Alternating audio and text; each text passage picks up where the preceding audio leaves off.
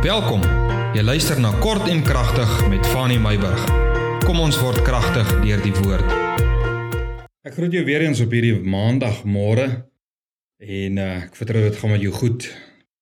Ek wil maar net sê dat hierdie week maak ons klaar met uh, die kort en kragtig boodskappe en dan gaan ons 'n bietjie 'n breek vat. Sondag is my laaste boodskap vir die jaar.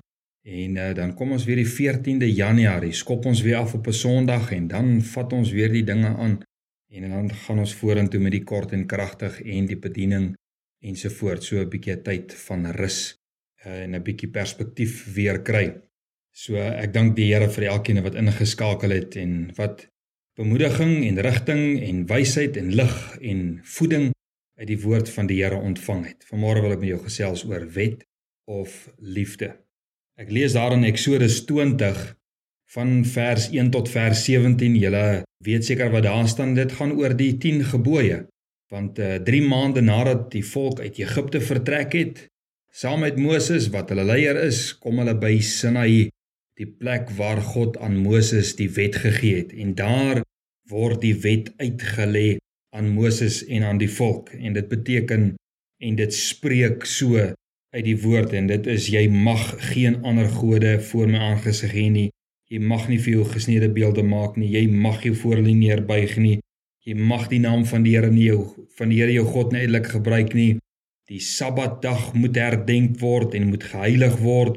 Jy moet jou vader en jou moeder moet jy eer. Jy mag nie doodslaan nie. Jy mag nie egbreek nie. Jy mag nie steel nie. Jy mag geen valse getuienis teen jou naaste spreek nie. Jy mag nie jou naaste se huis begeer nie. Nie sy vrou nie, nie sy diensknegt nie, nie sy diensmaagd nie met antwoorde. Jy mag nie begeer nie. Nou ek wil 'n bietjie by jou hoor vanmôre. Het jy al gegroei van jy mag nie na liefde?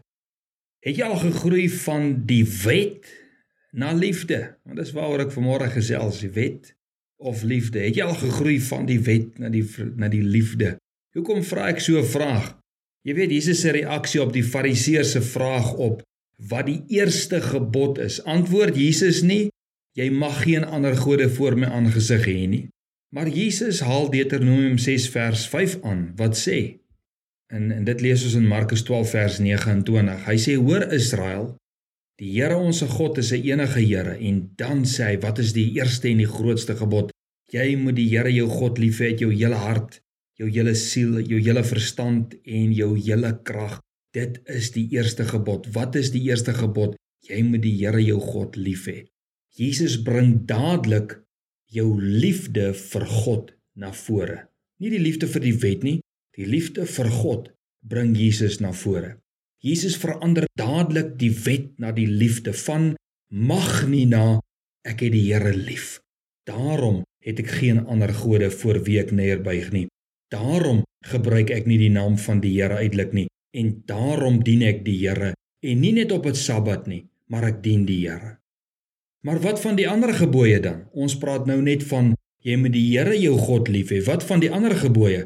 Kom ons kyk 'n bietjie wat sê Paulus in Romeine 13 vers 9 en 10. Hy sê want dit jy mag nie egbreek nie. Jy mag nie doodslaan nie, nie steel nie, nie valse getuienis gee nie, nie begeer nie.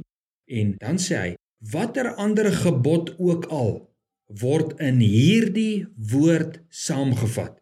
Jy moet jou naaste lief hê soos jouself. Die liefde doen die naaste geen kwaad nie. Daarom is die liefde die vervulling van die wet.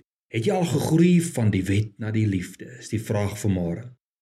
En Paulus sluit aan by Jesus in Markus 12:31 waar Jesus sê die tweede wat gelyk is aan jy moet die Here jou God lief hê met jou hele hart is jy moet jou naaste lief hê soos jouself daar is geen groter gebod as dit nie. En dit beteken omdat ek my naaste liefhet, sal ek geen van die jy mag nies aan een van hulle doen nie. So die liefde bepaal my gedrag, nie die wet nie. Het jy al gegroei van die wet na die liefde? Dit is die wil van God, kind van die Here. Dit is die wil van God, vriend, dat jy sal groei van jy mag nie en jy moet na liefde vir God en jou naaste. Dit is hoekom Paulus sê, niks is groter, niks is sterker, Niks is beter as die liefde nie. Kom ons groei van die wet na die liefde. Seën en vrede tot ons môre verder gesels.